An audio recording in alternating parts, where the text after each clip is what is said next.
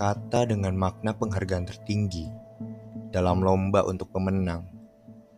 Kala itu memang terlarang, namun tetap diri ini jalani.